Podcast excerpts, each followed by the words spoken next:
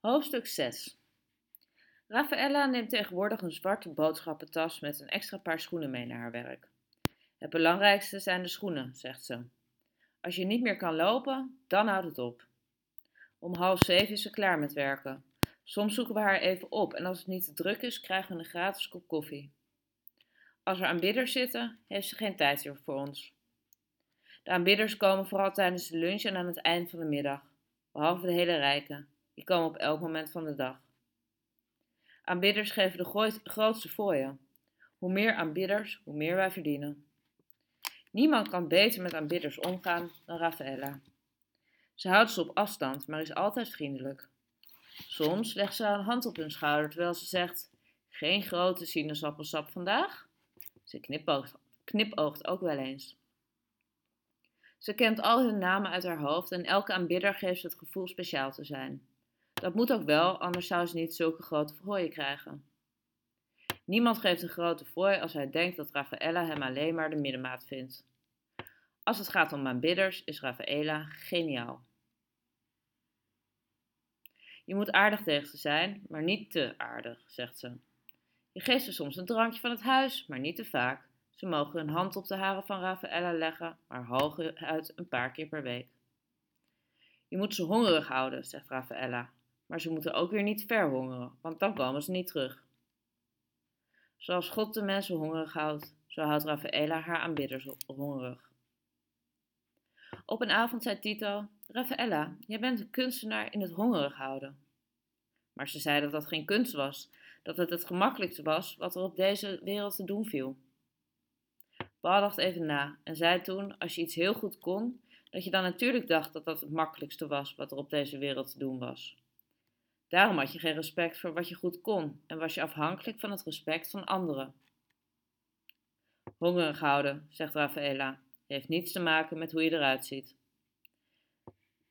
Het is een belofte die altijd een belofte blijft.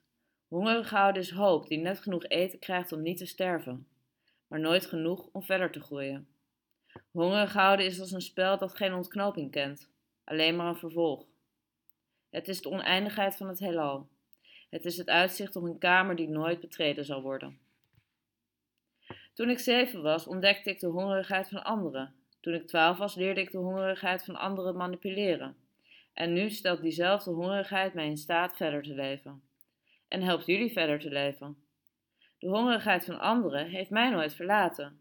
Al van kleins af aan voelde ik de hongerigheid op mijn lichaam branden, zoals het het zeewater brandt in kleine wondjes. En je eigen hongerigheid, vroegen wij. Waar is die? Oh, die, zei ze. Die heb ik begraven.